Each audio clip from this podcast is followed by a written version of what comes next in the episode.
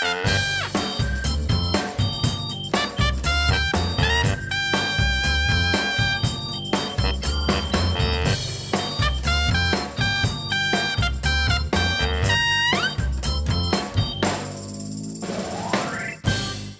is de CIP-podcast Ja, ja. met Rick en Jeffrey. En wij zitten weer recht tegenover elkaar. Dat was weer even geleden, hè? Ja, het is even geleden. Ik ben weer blij je te zien, Jeffrey. Zeker. Het is hier eh, op het moment dat we het opnemen, half acht in de ochtend. En ik denk toch altijd maar wakker worden met Jeffrey. is toch het mooiste wat de mensen kan overkomen. Laat staan als je dan ook nog eens de podcast mag opnemen. Ook nog, ja. Ja. Toetje, het, eh, de kerst op de taart. De kerst op de taart. Zeker. Zeg, wij moeten heel wat bespreken eh, vandaag. Ja, er is heel wat geschreven en gebeurd weer. Eh, wij gaan natuurlijk onder andere hebben over een bijzonder interview met Hen- Henriette. Een bijzondere vrouw uit Nijmegen. Zij doet een oproep aan mensen in de Bijbelbeeld. Ja, de Exodus uit de Bijbelbelt. Precies. En eh, we gaan het ook over de islamisering hebben, want dat is weer een issue de laatste weken. En een voorganger die heeft daarover een oproep gedaan aan de ChristenUnie. Ja, Jesse de Haan is dat, hè? Jesse de Haan, We gaan beginnen met... We gaan beginnen met een bijzondere blog van Alain Verheij. Dat is toch de luizende pels van Christelijk Nederland. hè? Ja, ja, ja, ja. Voor de mensen die hem niet kennen, dat is eh, een jongen die heeft in alle hoeken en gaten van christelijk Nederland gezeten. En die eh, is wat progressiever gaan denken. En juist dat maakt Nou, hem wat- zo krachtig. Nou, wat progressief. Wel erg progressief. Ja. Het, eh, sommige mensen kan het niet progressief genoeg zijn. Maar er zijn ook mensen die, die deze man toch een soort een beetje haten. Want hij is natuurlijk Ja. gewoon zo, zo liberaal. Dat, dat, dat je als echte reven of even er natuurlijk niet snel mee kan leven. Maar hij heeft dus wel zinnige dingen te vertellen. Precies. En daar ging zijn laatste blog ook over, hè? Ja, Wil je het even introduceren? Ja, want ehm, eh, hij, hij, vroeg dus, hij vroeg dus zich dus af, als wij een bekeringsverhaal vertellen, bijvoorbeeld waarin we vertellen dat we van porno zijn afgekomen, je kan eraan verslaafd raken, Ja. is dat nou echt een krachtig bekeringsverhaal, ja of nee? En dan kun je ook met andere dingen natuurlijk vergelijken. Hè? Mensen hoor, hoor je ook wel eens zeggen van, eh, eh, ik ben anders naar de wereld gaan kijken. En hij vraagt zich af, gaat het daarom in een bekeringsverhaal? Ja, want hij zegt eigenlijk van, hé, hey, het is allemaal leuk als je, mooi als je zegt van, hé, ik ben met God van mijn pornoverslaving afgekomen. Ja. Maar is dat, nou, is dat nou wat het christen zijn betekent? Of betekent Hmm. christen zijn dat je nou opeens met hart en ziel van Israël houdt? Hè? Dat je accept Ja. gierotjes van christen voor Israël invult en terugstuurt? Ja. Of is christen zijn betekent dat nou per se dat je opeens tegen abortus, euthanasie en de evolutietheorie bent? En dat je homo's natuurlijk ook niet echt mag? Is dat nou wat een christen zijn moet zeggen of moet doen? En vaak is het natuurlijk wel zo, hè? want daar gaat het ook op CIP over. Hmm. Ik snap best dat je inderdaad kan denken, nou ja, wat, wat is een christen? Dat je toch allereerst denkt, ja, dat is iemand die dus eh, geen porno kijkt, die voor Israël is, die tegen abortus en euthanasie is, tegen de evolutietheorie en ook niet zoveel van homo's moet hebben. En dat is toch wel het beeld dat veel mensen hebben van dat zijn christenen. Maar ja, is dat wel zo? Ja, Dat is zijn vraag. En hij zegt dan, van, hey, eh, het is allemaal mooi en aardig. Ik zeg niet allemaal dat het verkeerd is. Maar ik mis dan de andere kant. En dat is de diepe onrust die ook al die profeten uit de Bijbel hadden. En die onrust die ze bij hun toehoorders zaaiden. Terwijl ze bleven hameren op sociale rechtvaardigheid. hij wees bijvoorbeeld op Zacchaeus, hè? Ja, dat is natuurlijk een mooie. Van, waar wij, Zacchaeus is natuurlijk iemand eh, geweest die, eh, moet ik het even goed zeggen, die al zijn, eh, zijn geld teruggaf. Wat hij had eh, Afgeperst. afgeperst. Ja. Maar ik moet de eerste christenen bij wijze van spreken nog tegenkomen die dat heeft eh, gedaan. Ja, ja. Vaak zeggen we dan wel van, ik heb mij bekeerd tot God en ik, ik stap een nieuw leven in. Maar of we ook echt daden ondernemen zoals Zacchaeus is een tweede. Ja, en dat zei alleen ook van wanneer zie ik nou eens een moderne geest een hummer verkopen in plaats van een snottenverhaal van een bekeerling over Jezus die zijn faalangst heeft gefixt. ja, maar dat is natuurlijk wel waar. Dat vaak, eh, als je nou heel eerlijk bent, Jeff, en je leest de woorden van Jezus, dan moet je toch met het schaamrood op je kaken zeggen dat wij heel veel dingen wel lezen over Jezus, maar niet doen. Mhm. Ja, het blijft vaak bij woorden. Ja, en, en wat spreekt er nou duidelijker dan gewoon je daden? Ja. Ja.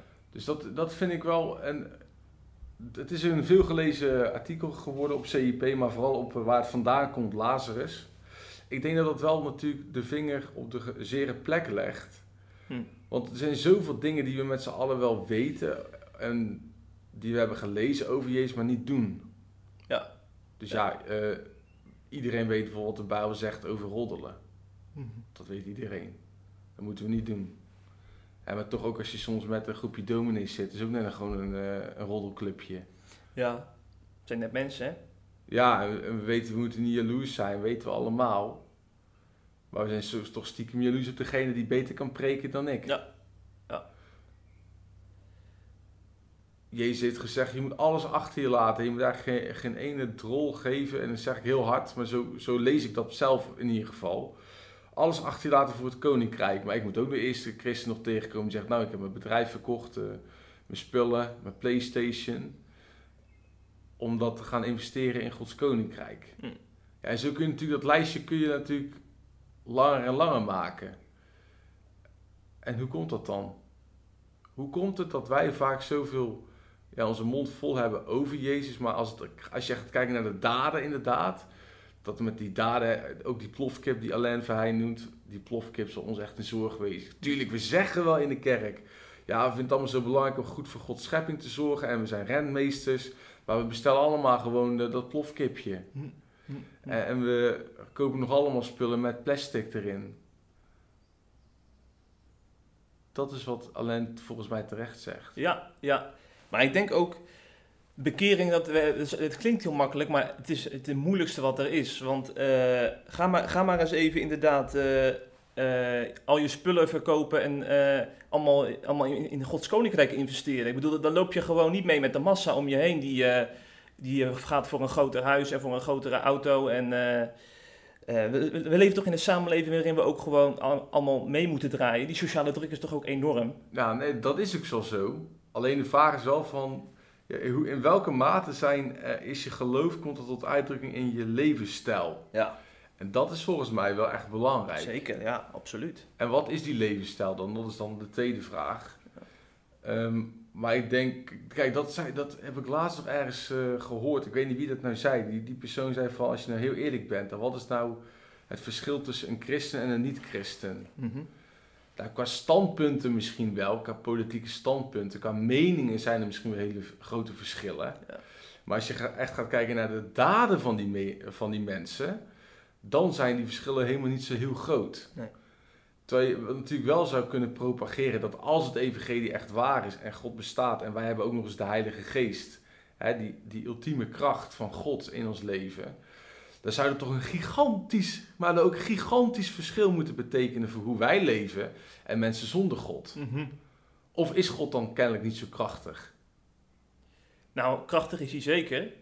Alleen, eh, we moeten gewoon niet onderschatten in wat voor tijdperk wij leven hier in Europa. Hè? Ja, maar dat vind ik ook weer makkelijk. Dat- is dan weer Ja. de, je eronderuit lullen. Want ik denk, als je de God van het universum in je hebt wonen, want dat is toch vaak hoe christenen het uitleggen. En dat is de, giga, de kracht die ook Jezus uit de dood heeft doen opstaan.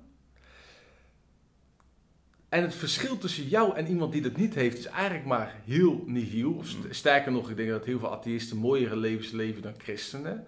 Dan denk ik toch dat je je af moet vragen: what is going on? Ja. Hou ik mezelf dan misschien niet voor de gek?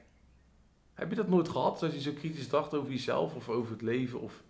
Nou, ik denk, ik denk dat eh, die momenten heb ik heel regelmatig. Maar uiteindelijk, eh, eh, de volgende dag sta je weer op. Dan, dan ga je weer aan het werk. En dan, en dan ga je gewoon weer verder met waar je gebleven was. Ik denk echt, eh echte verandering. Dat, daar is veel meer voor nodig dan alleen even stilstaan bij, bij dit soort vragen.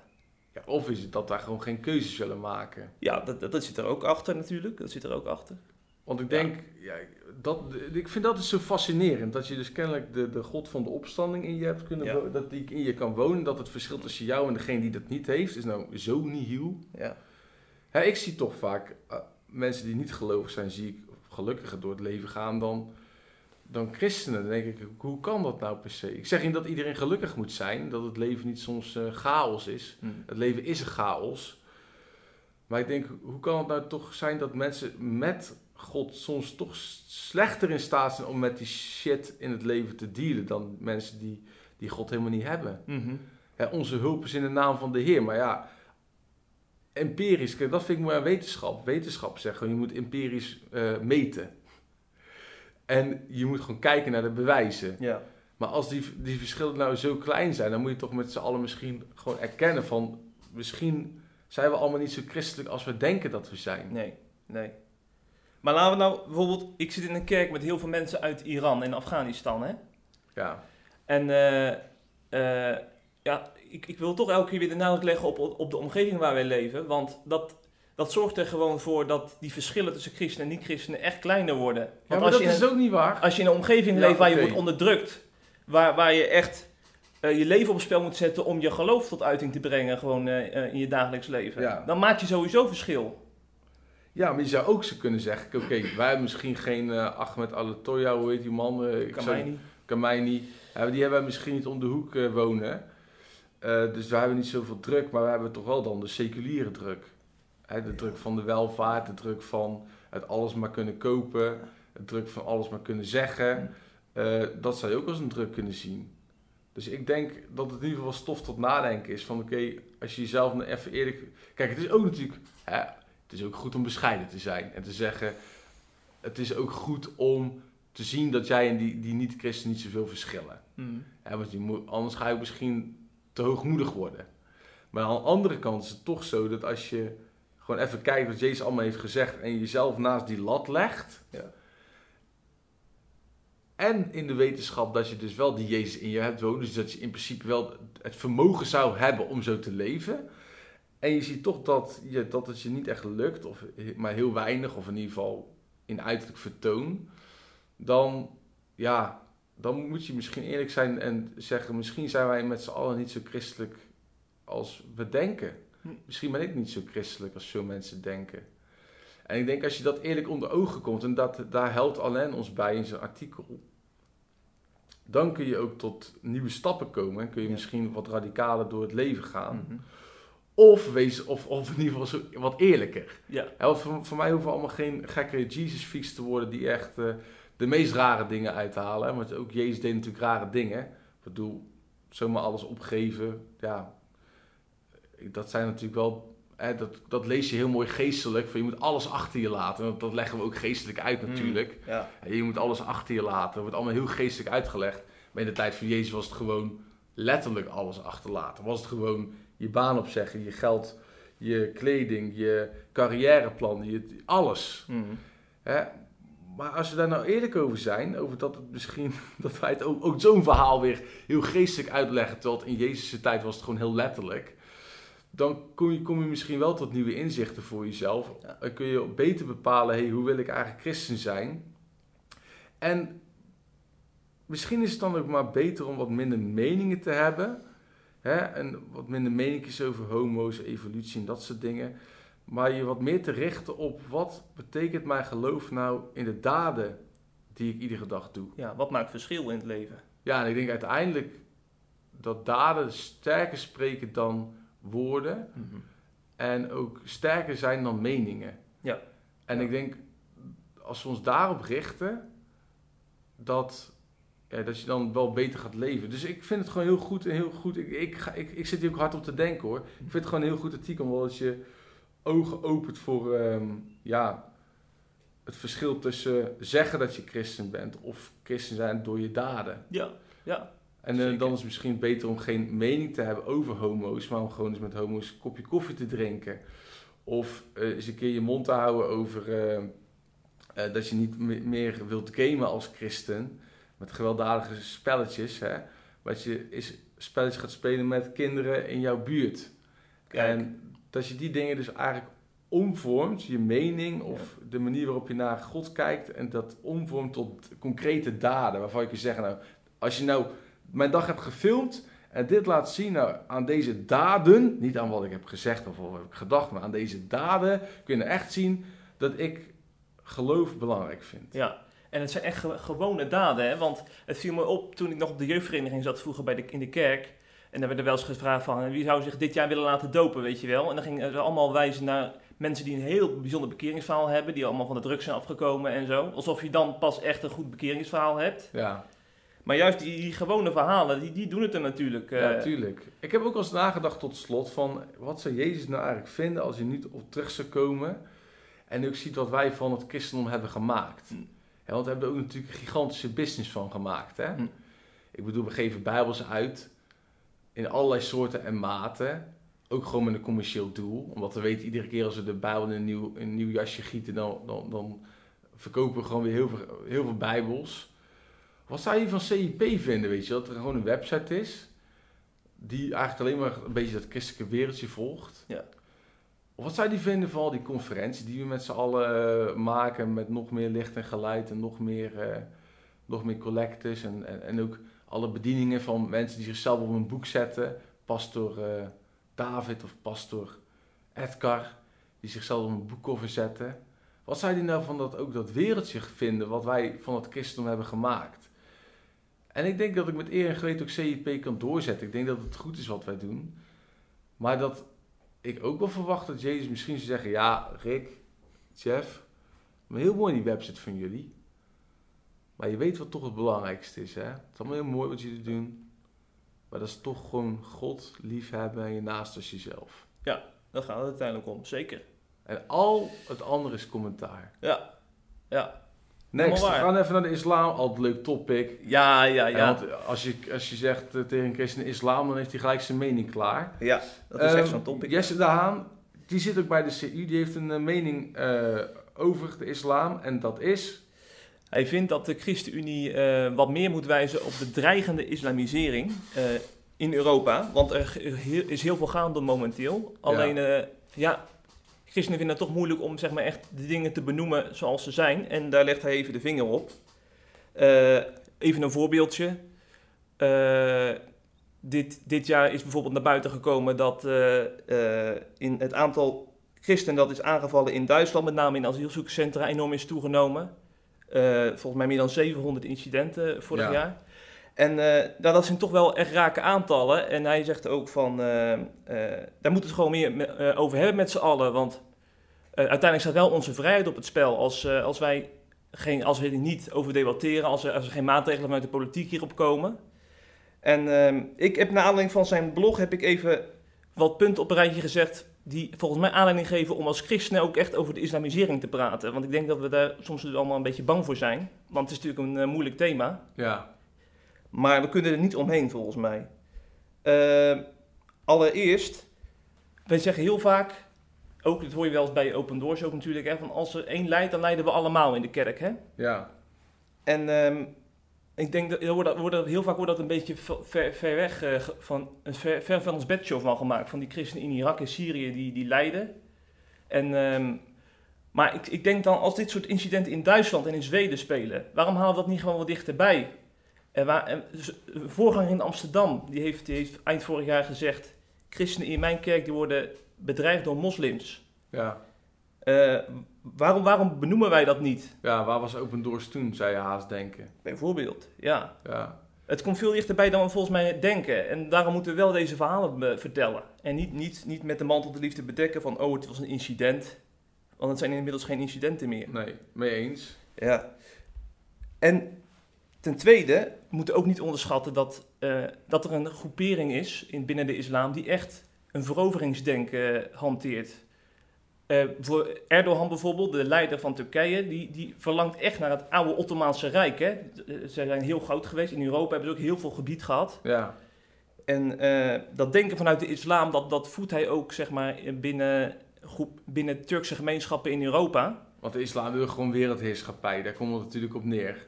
Ja, nou, ik denk dus niet dat, eh, dat alle moslims het daarmee eens zijn, maar eh, een groepering is daar vatbaar voor, laat ik het zo zeggen. Ja, maar in ieder geval ook als je de Koran leest. Ik heb de Koran wel eens gelezen. Ja. Dan kom je, kun je wel in ieder geval, als je hem gewoon simpel leest, tot die conclusie komen natuurlijk. Dat de Ja. islam het, het doel heeft om eigenlijk, of het nou met geweld moet of zonder geweld, Ja. om iedereen toch ehm, te bekeren tot de islam. Ja, ja, radicale moslims die lezen de Koran letterlijk en die gaan daar dus inderdaad voor. Eh, maar ik denk dan ook van, eh, wij, laten we daar ook als christenen elkaar ook op wijzen hè, dat dat gebeurt. ja. Want ik denk dat, dat het bewustzijn echt heel belangrijk is. Want anders, anders hebben we allemaal een, een naïef wereldbeeld. Ja, maar je ziet altijd wel aan de ene kant zie je die mensen die allemaal eh, dan ze heel lief doen naar de islam. En zeggen ja, maar het is maar een deel. En ja, het zijn toch lieve mensen. Mhm. En de meeste mensen willen helemaal niet Europa veroveren met de islam. Dat is natuurlijk waar. Maar die vergeten dan om de andere kant te belichten. Ja. En dat is dat er ook heel veel moslims zijn. Zeker. Die gewoon zeggen, joh, we willen gewoon alles en iedereen overnemen. Als we morgen van Amerika een islamitisch land kunnen maken, Ja. dan willen we dat nog liever vandaag dan morgen. Mhm. En die vergeten dat even te zeggen. Ja. En dat is natuurlijk oneerlijk. Dus je moet je oogkleppen niet dicht doen. Nog los van het feit dat uiteindelijk als je de ideologie bestudeert, dat je dan, als je dus zegt, als je kijkt wat is consequent christendom, dan kun je tot een conclusie komen. Maar ook als je kijkt wat is nou consequent islam, dan kun je volgens mij ook niet anders dan tot de conclusie komen dat de islam als doel heeft Mhm. om alles en iedereen tot islamiet te maken. Ja, ja. En, we- en je ziet het al in Irak. Hè. Eh, voordat Amerika in, volgens mij, wanneer was het? 2003 of zo, daar binnen viel, waren er iets van 1,5 miljoen christenen daar. Ja. En nu zijn er nog iets van eh 200.000, eh 300.000 over. Dus je ziet ook echt dat, dat er gewoon een agenda achter zit. Als, als moslims eenmaal eh, eh, hun slag kunnen slaan, dan willen ze Ja. ook die minderheden hun land uit hebben. Natuurlijk, die willen ze gewoon wegpiepelen. Ja. En jouw derde punt Mijn is... punt, dat is een, eigenlijk een heel mooi woord, dat is vrijheid. Ik vind eigenlijk jammer dat, een, dat er een partij voor de vrijheid is die die term eigenlijk verkeerd hanteert. Want die gebruiken vrijheid vooral om, om juist weer, zeg maar, die, diezelfde moslims eh, weg te zetten. Ja, die kaapt als het ware die Ja. term. Ja, maar het is, die vrijheid is eigenlijk eh, juist bedoeld om, eh, om, he- om ook moslims een plek te geven. Want juist in, in landen zeg maar, waar, waar, waar het christendom wortels heeft, daar hebben moskeeën vrijheid om zeg maar, gewoon hun geloof te beleiden. Ja. beleiden. En, en hebben moslims de vrijheid om de Ramadan te vieren. En ik denk van dat is vrijheid. En daar moeten we ook zuinig op zijn. En ik denk ook aan mensen in mijn kerk die, eh, die uit Iran en Afghanistan helemaal naar Nederland zijn komen vluchten. Je, weet, niet- je wil niet weten hoe dat is gegaan over die Middellandse Zee. Vreselijk. Die denken echt dat ze dood gingen natuurlijk op die bootjes. Maar die mensen hebben het gered. En, eh, En die worden nu vervolgens bedreigd in het AZC. ja, dat is dus bizar, hè? Dat inderdaad in, in Duitse en Zweedse AZC's en nu diezelfde mensen waarvoor ze gevlucht zijn, nu weer. eh, Gaat door. Dus jij vindt uiteindelijk, als je dat, als je dat moet resumeren, vind je gewoon, er moet meer inderdaad, eh, Jesse heeft gelijk, er moet meer aandacht zijn voor de dreigende islamisering. Want, hey, eh, het gebeurt niet alleen ver weg, maar ook dichtbij. zeker. En als er één lid leidt, dan, dan leidt de rest mee. Dus daar moet je Ja. gewoon aandacht voor hebben. Ja. We moeten gewoon eerlijk zijn met z'n allen over het feit dat de islam, of in ieder geval een heel groot deel van de islam, een veroveringsstrategie hanteert. Zoals de lange arm van Erdogan. Precies. En die vrijheid, die moet, die moet hoog in het vaandel staan. En dat, als je die hoog in het vaandel hebt staan, dan kun je niet anders dan concluderen dat je moet erkennen dat heel veel moslims hier gewoon veilig denken te zijn, maar alsnog worden bedreigd in de AZC. Ja, ex-moslims. Ja, ex-moslims. Ja, precies. Ja. Ja, ik denk wel nog even een andere kant, dat, dat al die, eh, want er zijn heel veel christenen die hebben echt een bloedteken aan de islam, dat die wel nog eventjes moeten nadenken. Weet Zeker. je waarom? Omdat, ik zat er in de auto naar hier eh, over te denken. Hm. Kijk, wij zeggen nou natuurlijk wel heel makkelijk van die islamische gewelddadige godsdienst en die wil alleen maar eh, mensen doden en dat is niks dan goeds, hè? De islam is gewoon een zwarte demonische godsdienst. Heel kort Er zit de Satan achter als een briesende leeuw. En eh, het is gewoon een en al eh Sodom en Gomorra, die godsdienst. Maar dan denk ik, wacht eens even, dat kun je natuurlijk ook van het christendom zeggen. We hebben een vreselijk verleden hebben wij. Volgens mij heb ik laatst ehm, ten Brinke gezien. Die, die was in, eh, in Afrika bij een kerk waar ze ook slaven hielden. Ja. Wij hebben natuurlijk vanuit, in de naam van God, ook vanuit, heel goed beargumenteerd vanuit de Bijbel, waar natuurlijk slavernij helemaal niet zo hard wordt veroordeeld als wij denken. Mhm. natuurlijk massaal in de naam van God slaven gemaakt. Hm. Dus wij zijn ook een gewelddadige godsdienst. Ja. Of in ieder geval geweest. Ja. Of zijn we misschien de Irak-oorlog vergeten? Waarbij soldaten in Amerika met bijbelteksten en psalmen op hun helmen... Mhm. In, in de naam van Bush en de naam van God... daar toch dat hele land helemaal kapot hebben gemaakt... En daar de islam en een dictator hebben willen uitgroeien, wat helemaal niet gelukt is. Ja. Kijk, die hebben dat ook gedaan al bidden tot onze lieve Heer. Hè? Mhm. En zijn we misschien vergeten dat ook wij soms gewelddadiger zijn, zelfs op plaatsen als Urk. Want wij, misschien niet in eh, daden gewelddadig, maar wij moeten soms ook, wij, zijn, wij gedragen ons wel soms gewelddadig, verbaal gewelddadig, Mhm. naar andersdenkenden.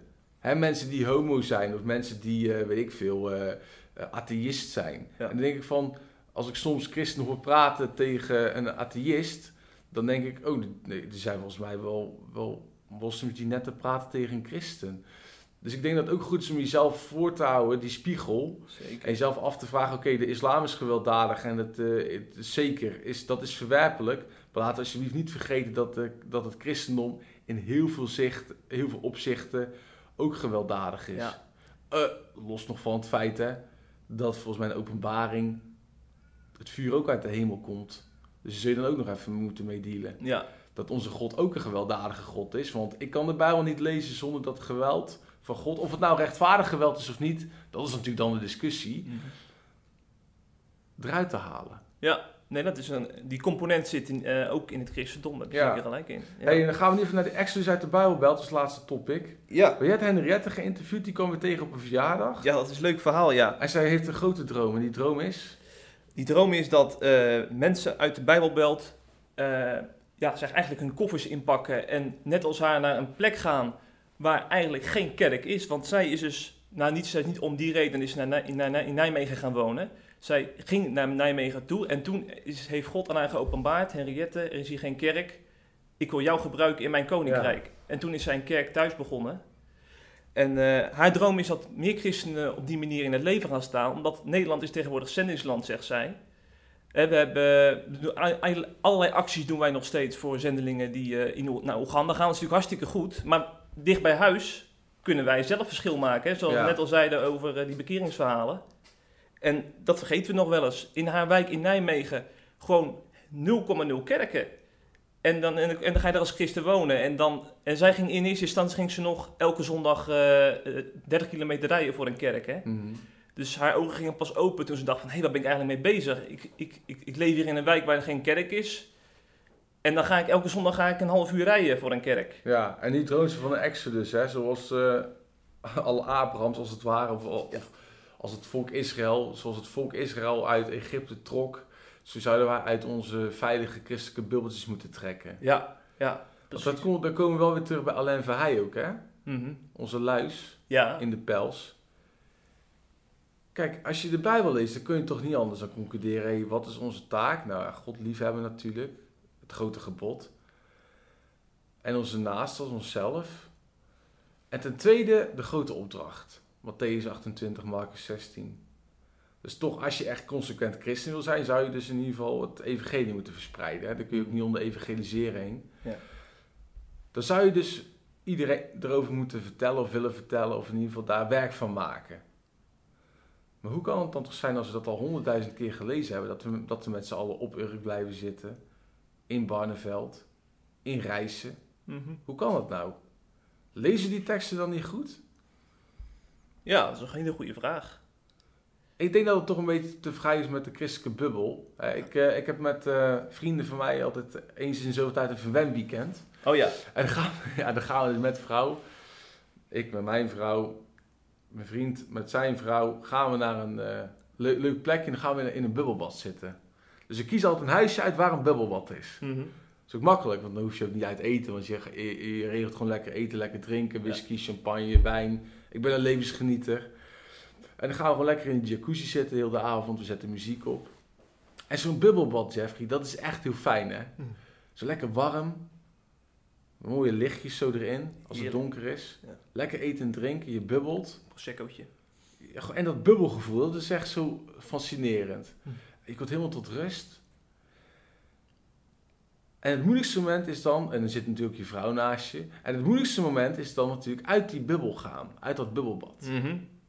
Ja. Want als je s'nachts, om twee uur s'nachts, uit een bubbelbad gaat en het is in dat bad 38 graden, Mhm. of 37 graden, en het, zoals de laatste keer, het vriest min 5, Hm. dan wil je dat niet. Ja. En zoals ik niet uit mijn bubbelbad wil, zo willen denk ik heel veel christenen niet uit hun christelijke stad Mhm. of christelijk dorp. Ja. En zoals Alain ons heeft geleerd, moeten we daar dan gewoon eerlijk over zijn. Moet je gewoon zeggen, kijk, hé, wat is ook zo leuk. Kijk, ze al een mond vol over dat, oh, het gaat zo verschrikkelijk met Nederland. We seculariseren zo. het is toch Sodom en Gomorra in Nederland. Het is toch verschrikkelijk.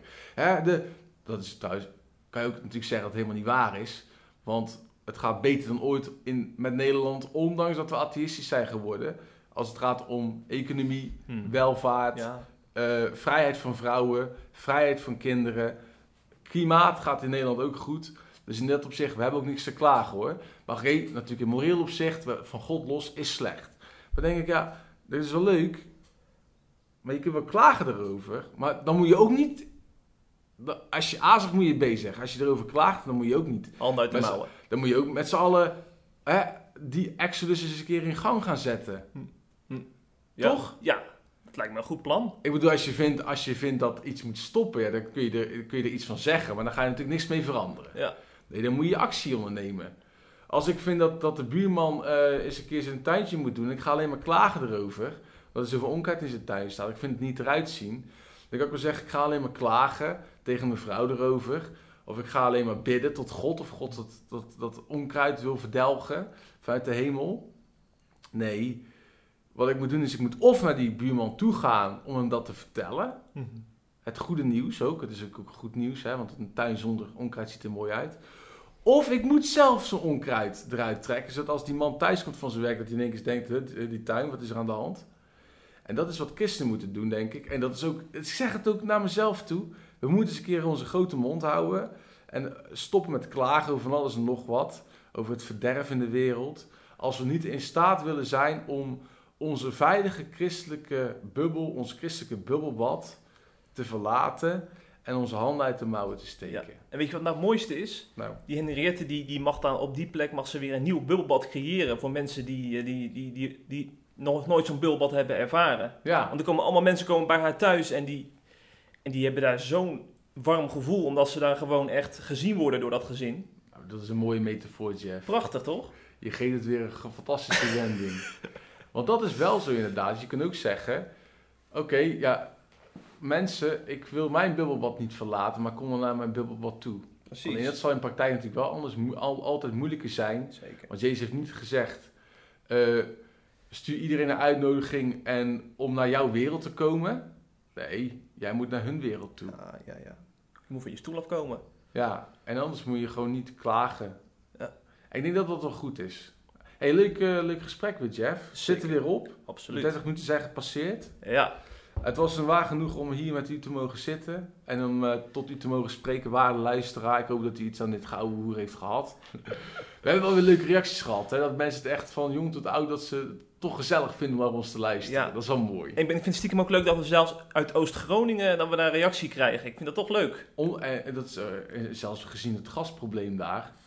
Ik denk dat het, dat, dat het internet ook nog niet is ingestort daar. Er is toch kennelijk nog internet, ondanks het probleem in Groningen. We moeten ook een keer over Groningen hebben. Ja, absoluut. Eh, over het christelijke aspect achter de gas in Groningen. Een half uur klagen gaan we. Gaan we klagen? Gaan we alle bijbelteksten die op Groningen slaan uit, uitpluizen?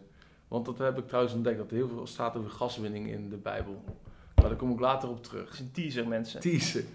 Hey, hartstikke bedankt Jeffrey. Bedankt nog even onze lieve C leden. Ja, want eh, zonder C-leden ook geen podcast. Zo simpel is het gewoon. Ja, Eh, wij eh, mogen van eh, jullie eh, centjes mogen wij mooie producties maken.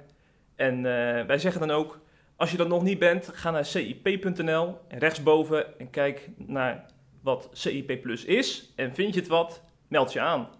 Ja is 5 euro per maand. Dat, Ja. dat is toch goed te doen. Dat zijn nog in eh, twee macroketten. Ja, precies. Daarom. Voor toch een leuke website, al Ja. zeg ik het zelf. Ja. Stuur even een mailtje naar info.cip.nl. We hebben een mailtje uit Oost-Groningen gehad, maar we verlangen ook naar mailtjes uit Noord-Holland en uit Limburg en uit Tolen. Uit alle uithoeken der aarde willen we graag mailtjes ontvangen. Ja. Graag. Tot ziens en hartstikke bedankt dat je wilt luisteren. En geef ons ook natuurlijk even 5 sterren hè, in iTunes. Doei! De groeten! Adios amigos. you